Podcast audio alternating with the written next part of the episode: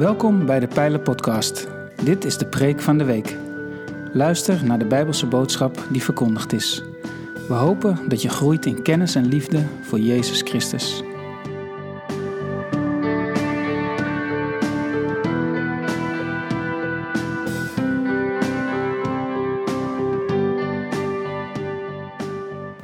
Afgelopen zondag was het Eeuwigheidszondag in de Pijler.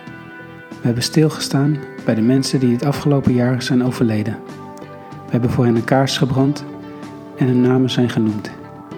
In de preek heeft Oscar Loa stilgestaan bij het thema van rouw en verdriet en het ruimte geven aan emoties. Hij deed dit vanuit drie verschillende Bijbelgedeelten. Ja, goedemorgen. Ik, uh, ik vind het heel bijzonder om hierbij te mogen zijn. Fijn om weer zoveel mensen in de kerk te zien zitten. Ook al hebben we opnieuw te maken met beperkingen, maar toch heel mooi dat we weer in de kerkzaal elkaar kunnen ontmoeten. En ik vind het ook heel erg goed dat jullie aandacht besteden aan degene die het afgelopen jaar, het afgelopen kerkelijk jaar, dit is de laatste zondag van het kerkelijk jaar, uh, de broeders en de zusters die ons ontvallen zijn, die zijn heen gegaan, die zijn overleden. En uh, zeer goed en ook fijn en ook troostvol, denk ik, om vanmorgen hun naam te noemen, hun foto te zien. En ook om um, de weduwe, de weduwnaars, de kinderen, de kleinkinderen, de, misschien wel de ouders van degenen die zijn overleden, om die hier op het podium een kaars te zien aansteken. En dat er tijd en ruimte is om dat te doen. En ik vind dat heel erg mooi. Dat zegt ook iets van de gemeenschap die we als plaatselijke gemeente, die jullie als plaatselijke gemeente zijn. En het is, uh, het is waardevol. En ik ben gevraagd om daar natuurlijk ook bij aan te sluiten in de prediking. En ik wil een paar teksten aan jullie voorlezen en dan met elkaar nadenken over, over verdriet. En de eerste tekst waar ik aan moest denken is uit Psalm 42. Ik ga een paar versen voorlezen uit Psalm 42. En die hebben niet eh, misschien uh, direct of in eerste instantie te maken met de rouw vanwege het verlies van een dierbare. Maar er zitten wel een paar aspecten in deze tekst die ik naar voren wil brengen. Als we ook uh, met elkaar willen stilstaan bij het hebben van verdriet. Ik lees jullie voor Psalm 42. Uh, daar staat het volgende. Zoals een hert schreeuwt naar de waterstromen, zo schreeuwt mijn ziel tot u, o God. Mijn ziel dorst naar God, naar de levende God. Wanneer zal ik binnengaan om voor Gods aangezicht te verschijnen? Mijn tranen zijn mij tot voedsel dag en nacht, omdat ze de hele dag tegen mij zeggen: Waar is uw God? Hieraan denk ik en ik stort mijn ziel in mij uit, hoe ik meeging in de stoet en met hen optrok naar Gods huis, onder luide vreugdezangen en lofliederen, een feestvierende menigte.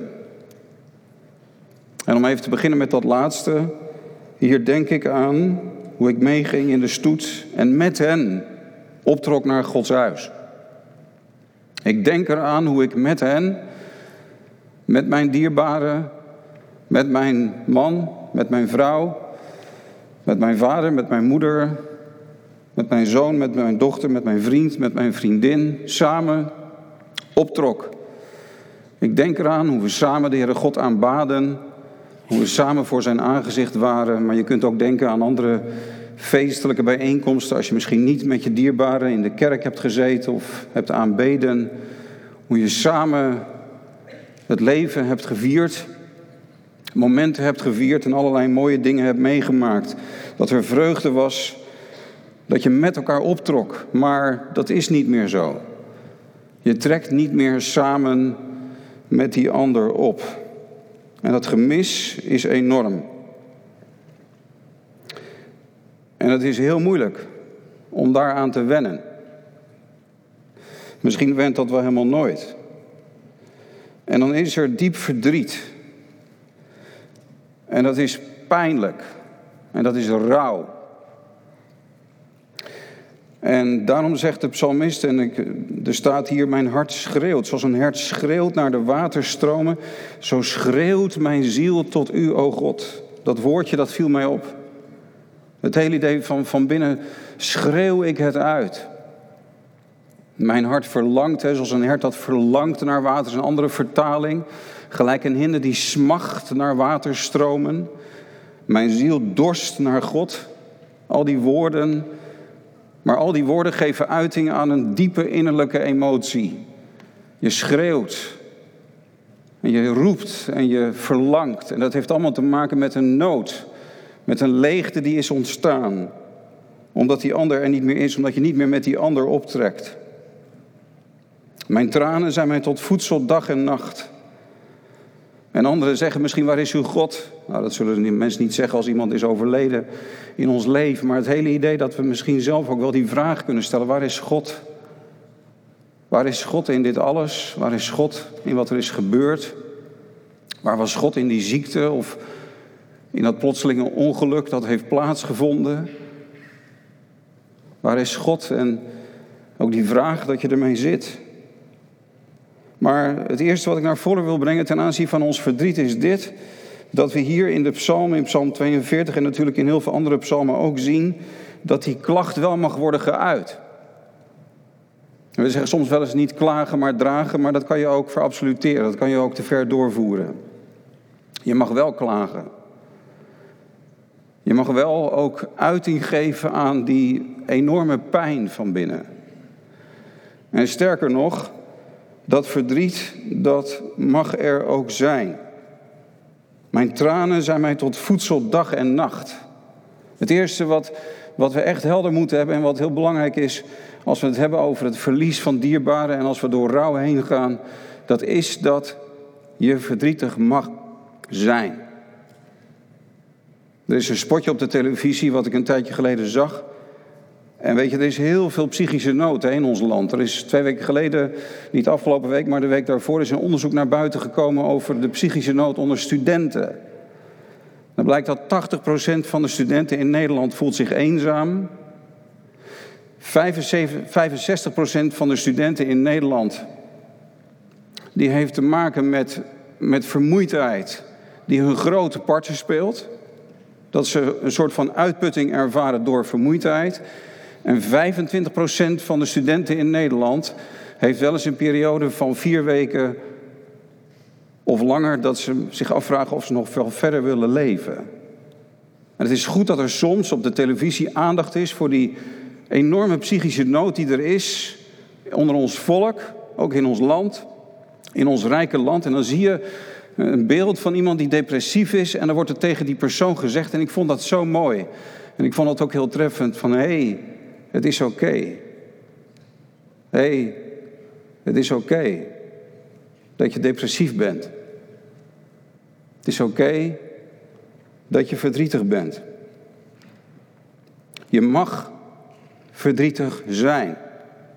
Er mogen tranen zijn. Je mag huilen. Er is ruimte in de Bijbel voor verdriet. Het hebben van gevoelens van verdriet, sterker nog, het hebben van welke gevoelens dan ook, heeft geen morele waarde. Dat, klinkt een beetje ziek wat ik nu zeg, maar wat ik daarmee bedoel is dit. Het is niet verkeerd om je slecht te voelen. Je bent niet een slechter mens als je je slecht voelt. Je bent niet een, een, slechter mens als je je verdrietig voelt, of als je je boos voelt, of als je bang bent. Gevoelens zijn niet goed of slecht, ze zijn er gewoon. En ook negatieve gevoelens zijn niet verkeerd.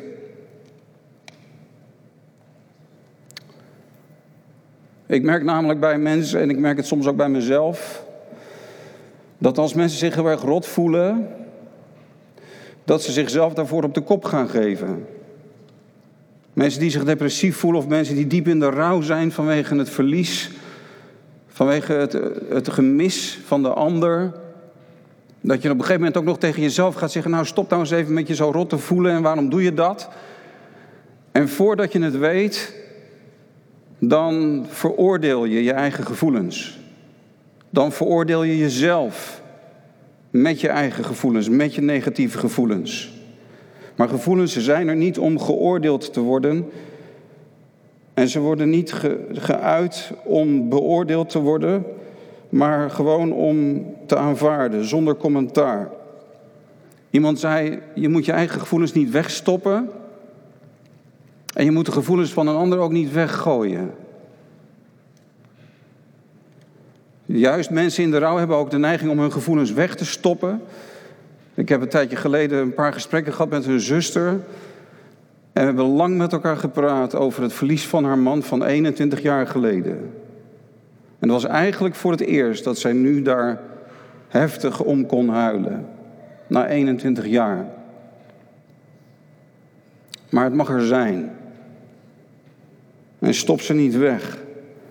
En ook als de ander ze met je deelt, gooi de gevoelens van de ander niet weg. En dat is het tweede eigenlijk waar ik kort met u over zou willen nadenken. Want we zien ook zo mooi dat de heer Jezus ook huilde toen een goede vriend van hem was overleden. We lezen met elkaar Johannes 11, vers 33. Toen Jezus haar, dat is Maria, Maria, Martha en Lazarus. Toen Jezus haar, Maria, zag huilen en ook de Joden die met haar meekwamen zag huilen, werd, ze heftig, werd hij heftig in de geest bewogen en raakte innerlijk in beroering.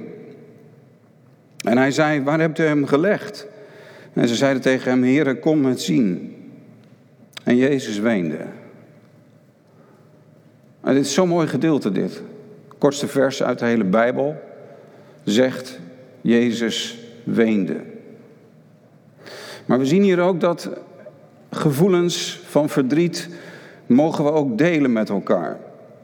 Jezus zag haar huilen. Maria was open over haar gevoelens. Ze uitte haar emoties. Ze stopte haar verdriet niet weg. Maar ze voelde zich zo vrij om die te uiten. En toen Jezus haar zag huilen, toen werd hij zelf heftig in de geest bewogen en hij raakte innerlijk in beroering en hij huilde ook.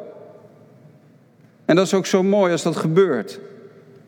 Weet je, als je je gevoelens deelt met een ander, als je zo ver komt dat je, dat je het aandurft om je innerlijk te laten zien aan een ander, wat je werkelijk voelt, ook door je tranen te laten vloeien, door te kunnen huilen in de aanwezigheid van een ander, dan worden gevoelens met elkaar gedeeld. En dat is buitengewoon kostbaar. En dat is wat we nodig hebben in tijden van rouw. Ik kan me herinneren dat een zuster overleed uit de gemeente waar ik zelf voorganger van ben geweest. Inmiddels woonden wij ergens anders. Was ik inmiddels voorganger geworden in Emmeloord. Maar een zuster uit de gemeente in Meppel, waar we eerder woonden, die overleed betrekkelijk jonge leeftijd. We kenden dat gezin heel goed. Het echtpaar waren dierbare vrienden van ons. En we kwamen bij de, bij de dienst. En die kinderen die zagen ons. En ik zag een van de zonen.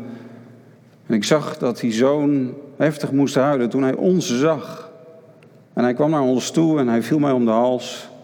En ik moest ook zo huilen. Maar hoe mooi is dat?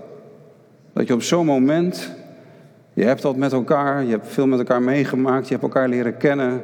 Je hebt die vertrouwelijke relatie met elkaar. En dan ben je er voor elkaar op zo'n moment. En dan kunnen die emoties ook geuit worden.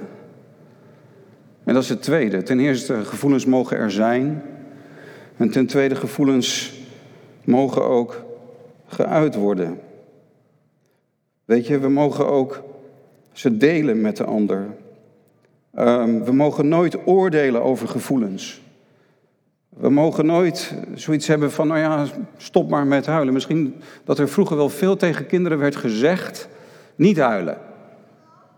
Misschien dat je dat zelf wel hebt meegemaakt. Dat je vader of je moeder tegen je zei toen je een klein kind was, hè, want kinderen uiten hun emoties veel meer. Dat je geleerd bent als klein kind om maar niet te huilen. Maar de vraag is of dat wel verstandig is.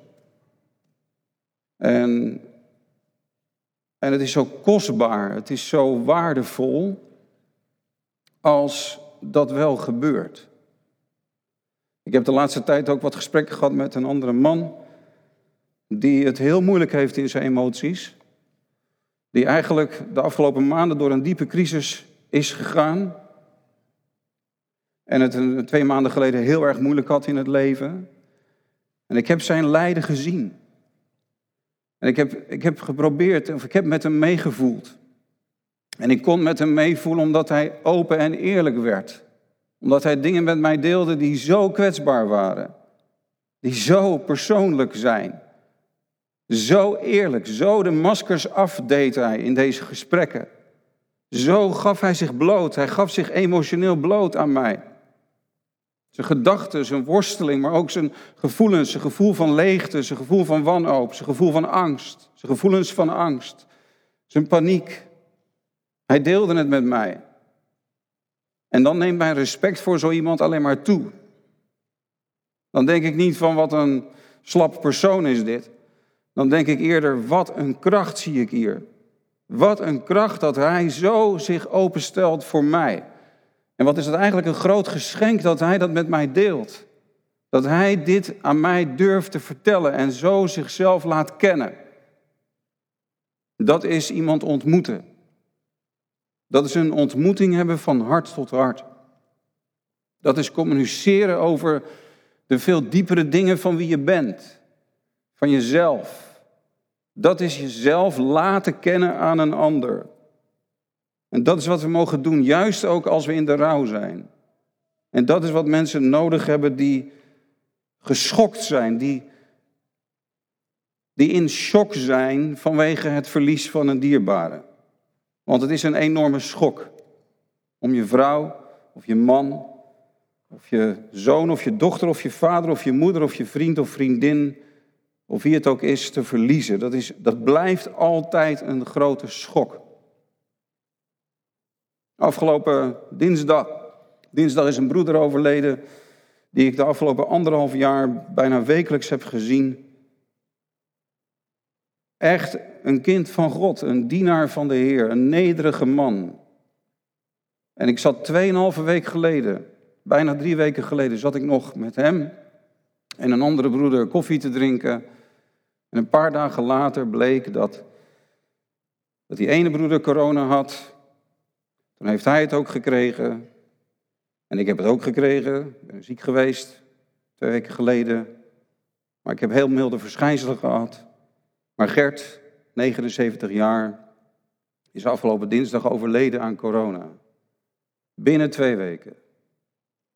Van een sterke, reizige, rechtopstaande man. In één keer is hij naar de Heer gegaan. Maar hij was er helemaal klaar voor. Maar het blijft altijd een schok. Ook als iemand er helemaal klaar voor is, blijft het een enorme schok. Maar hoe mooi is het als je in tijden van verlies en verdriet. En ik weet zeker dat velen van jullie daarvan kunnen getuigen ook. Dat juist in de tijden dat, dat deze dingen gebeuren, dat je als nabestaande en als familie en als vrienden en als broeders en zusters van elkaar, dat je heel dicht bij elkaar kan komen. Dat je eenheid met elkaar kunt ervaren en dat je juist door het verdriet heen nog veel meer voor elkaar kunt betekenen als je zover komt dat je ook die emoties met elkaar durft te delen. En dat is het tweede. En het derde en laatste wat ik zou willen noemen is dit. Gevoelens mogen er zijn. Verdriet mag er zijn. Verdriet mag gedeeld worden. Maar ons verdriet wordt ook getroost. Want Jezus weende om het overlijden van Lazarus, maar hij wist al dat hij hem uit de dood zou opwekken. Dus ik denk dat hij ook weende om de dood überhaupt. Maar hij heeft Lazarus notabene, nadat deze man al vier dagen in het graf heeft gelegen, heeft hij hem opgewekt uit de dood.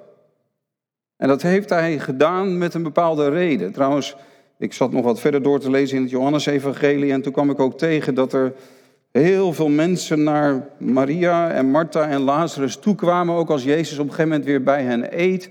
Er komen heel veel mensen komen naar hen toe, want dit ging als een lopend vuur door het land dat Jezus iemand uit de dood had opgewekt.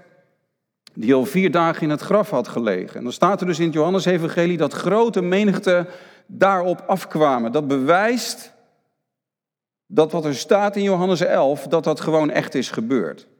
Anders moet je dat hele boek Johannes overboord gooien. Anders moet je de hele Bijbel overboord gooien en zeggen dat zijn allemaal leugens. Maar dat is natuurlijk niet waar. Het zijn geen leugens, het zijn geen sprookjes. Er kwamen heel veel mensen daar naartoe. Dat was fenomenaal wat er was gebeurd, ongekend wat er was gebeurd. Dat Jezus, die man, terwijl er al een lijklucht was, uit de dood heeft gewekt. Hij heeft gezegd, Lazarus, kom naar buiten. En hij kwam naar buiten. Maar Jezus deed dat niet om Lazarus uit de dood op te wekken. Want Lazarus is een aantal jaren later alsnog overleden. Maar hij deed dat om te laten zien wie hij zelf is. Jezus zei tegen haar, vers 25 en vers 26, ik ben de opstanding en het leven. Wie in mij gelooft zal leven, ook al was hij gestorven. En ieder die leeft en in mij gelooft zal niet sterven in eeuwigheid. Gelooft u dat?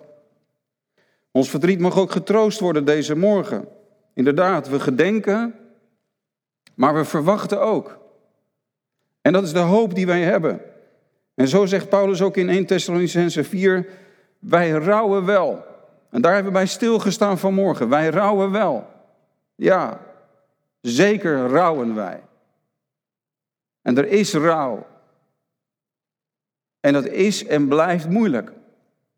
Maar we rouwen niet als mensen die geen hoop hebben. We mogen ook verwachten. Jezus heeft gezegd, um, ieder die in mij gelooft zal leven, ook al is hij of zij gestorven. Ik ben de opstanding en het leven. En hij stond op uit de dood. Dat is het goede nieuws.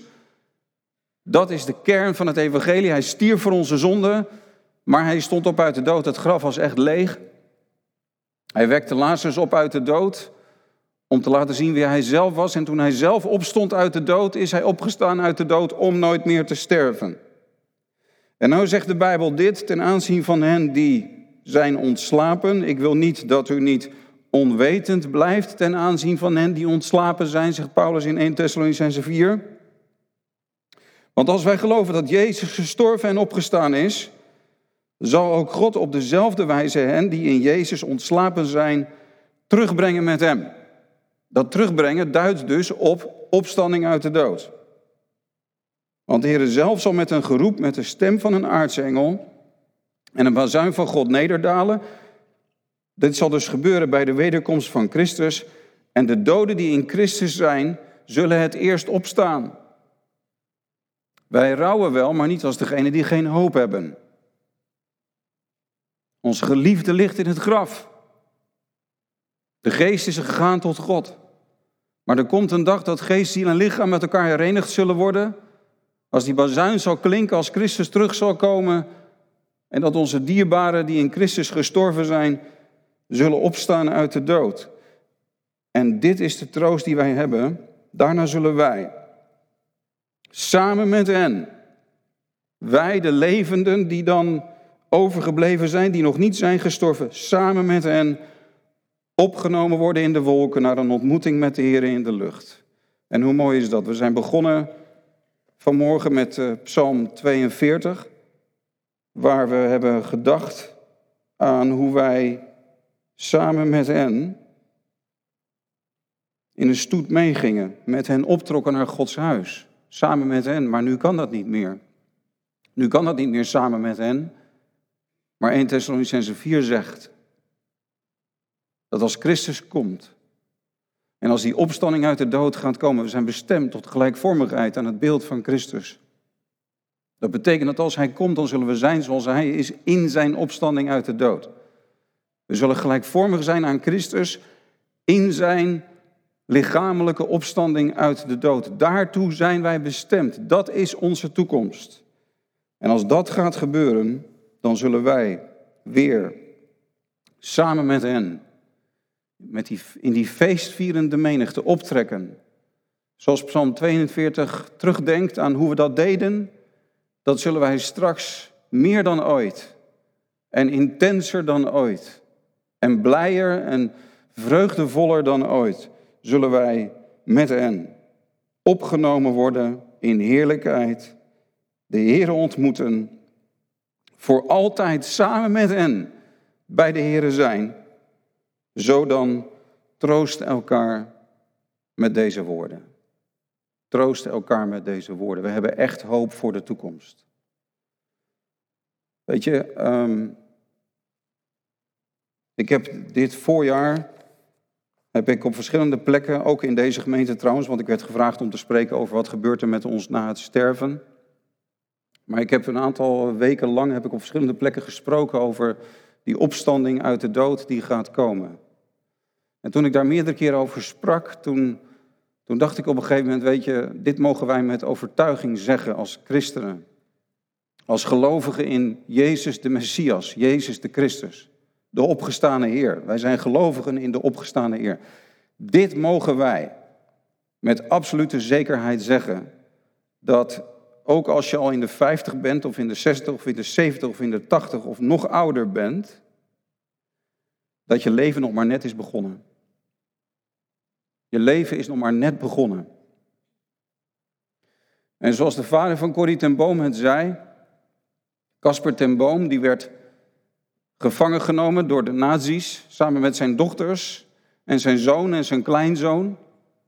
En ze werden meegenomen van dat huis waar ze zo lang hebben gewoond, waar zijn vader al honderd jaar daarvoor was begonnen met een bidstond voor het Joodse volk in, in Haarlem. En ze werden gevangen genomen en ze werden meegenomen naar een politiebureau in Haarlem. De kleinzoon van Casper ten Boom die was daar ook bij. En Casper ten Boom die las toen Psalm 91, terwijl daar met de hele familie en andere gevangenen zaten ze daar in een ruimte van dat politiebureau. Die in de schuilplaats van de Allerhoogste is gezeten, vernacht in de schaduw van de Almachtige. En die kleinzoon die, die schreef later, toen, toen mijn opa dat voorlas, was er zo'n aanwezigheid van God in die politiecel. We zaten daar gevangen, maar we waren zo vrij als maar kon zijn. Want we zaten in de schuilplaats van de Allerhoogste. We zaten in de schaduw van de Almachtige. En Casper Timbam die las die woorden voor. En dit was de laatste ontmoeting die Corrie en Betsy en Willem en die kleinzoon hadden met hun vader en grootvader. Daarna werd hij apart in een cel geplaatst en hij is overgebracht naar Scheveningen. En negen dagen later is hij daar in eenzaamheid in de gevangenis van Scheveningen overleden. Niet meer met elkaar. Niet meer met hen optrekken in die feestvierende menigte. Geen gelegenheid om nog woorden met elkaar te wisselen. Om elkaar nog een huk te geven. Geen gelegenheid om er naartoe te leven. Zomaar door anderen van elkaar weggerukt. En negen dagen later was hij overleden. Maar terwijl hij las uit Gods woord, was Gods aanwezigheid zo tastbaar, voelbaar aanwezig. En waarom vertel ik dit? Omdat Casper ten Boom het meest herinnerd wordt. Om één uitspraak die hij zo vaak heeft gezegd. En misschien ook wel in die politiecel als laatste heeft verteld aan zijn dierbare kinderen. En dat is dit. Mijn lieve kinderen, vergeet nooit dat het beste nog komt. Het beste komt nog. Dat is de hoop die wij hebben. De zekerheid die we hebben. Ons verdriet mag er zijn. Ons verdriet mag gedeeld worden. Mogen we delen met elkaar. Maar ons verdriet wordt ook getroost vanmorgen. Omdat het graf van Jezus Christus leeg is. Hij is niet hier. Hij is opgewekt. En hij is de eersteling van hen die zullen volgen. En wij die in Christus Jezus geloven, weten met heel ons hart dat we zullen leven, ook al zijn we gestorven. En daarom kunnen we met heel ons hart zeggen, mijn leven is nog maar net begonnen. Ook als je ouder dan 100 bent geworden, is je leven nog maar net begonnen. We mogen met Casper ten Boom zeggen, dit weten wij zeker. Het beste gaat nog komen. We zullen opnieuw met hen optrekken, met hen opgenomen worden, met hen de Heer ontmoeten en feest vieren voor zijn heilig aangezicht. Geprezen zij zijn naam. Zullen we samen de Heer danken in gebed.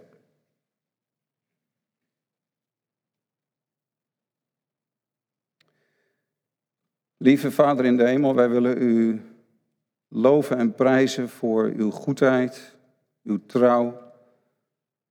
We danken u dat we als feilbare en zondige en ook kwetsbare en sterfelijke mensen, Heer, dat wij vanmorgen met elkaar voor uw aangezicht mogen zijn. We danken u, Heer, voor de mensen die zijn heen gegaan en voor alles wat u door hen aan ons hebt gegeven. We danken u, Heer, dat u ons accepteert zoals we zijn, met al onze emoties. Dank u dat we ook die negatieve emoties mogen hebben en mogen uiten. En we danken u zo, Heer, dat u ons ook perspectief geeft op de toekomst. Dank u wel voor de Heilige Geest, dat u de Geest uitstort, elke keer weer. En dat de Heilige Geest onze trooster is. Dank u wel dat u ons troost in al ons verdriet. Dat u ons kracht geeft, omdat u ons laat weten dat u bij ons bent. We bidden u vanmorgen met elkaar voor de weduwen en de weduwnaars. En we bidden voor degenen die vader of moeder zijn verloren, of zoon of dochter zijn verloren, of vriend of vriendin zijn verloren. Heer, we bidden u voor zegen. En wilt u deze gemeente zegenen, Heer, met heel veel liefde in de harten. Dat er inderdaad ook die kostbare ontmoetingen mogen zijn, waarin de maskers af zullen gaan, waarin, Heer, waarin tranen eh, gedeeld kunnen worden, waarin verdriet gedeeld kan worden. Heer, waarin u geeft dat er ontmoetingen zijn van hart tot hart, waardoor de smart gedeelde smart zal worden. Zegen deze gemeente, Heer, met, met eenheid, met geloof, hoop en liefde. Dank u wel dat u ons zo leidt en voorziet in wat wij nodig hebben. We prijzen uw naam, dat we ons hoofd mogen opheffen, dat we mogen weten dat de koning gaat komen, dat u, Heer Jezus Christus, gaat terugkomen. Dank u wel, Heer, dat we mogen weten dat u ons opnieuw geboren heeft doen worden tot een levende hoop. En dat niets ons ooit meer zal kunnen scheiden van uw liefde, zelfs de dood niet. We willen u loven en prijzen voor zoveel genade, voor zoveel liefde in Jezus' naam. Amen.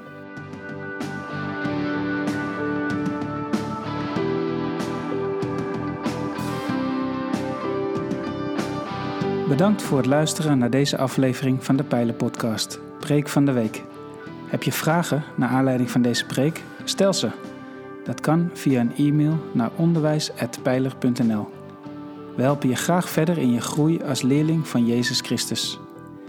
Abonneer je op deze podcast, zodat je altijd op de hoogte blijft van het onderwijs uit de Pijler.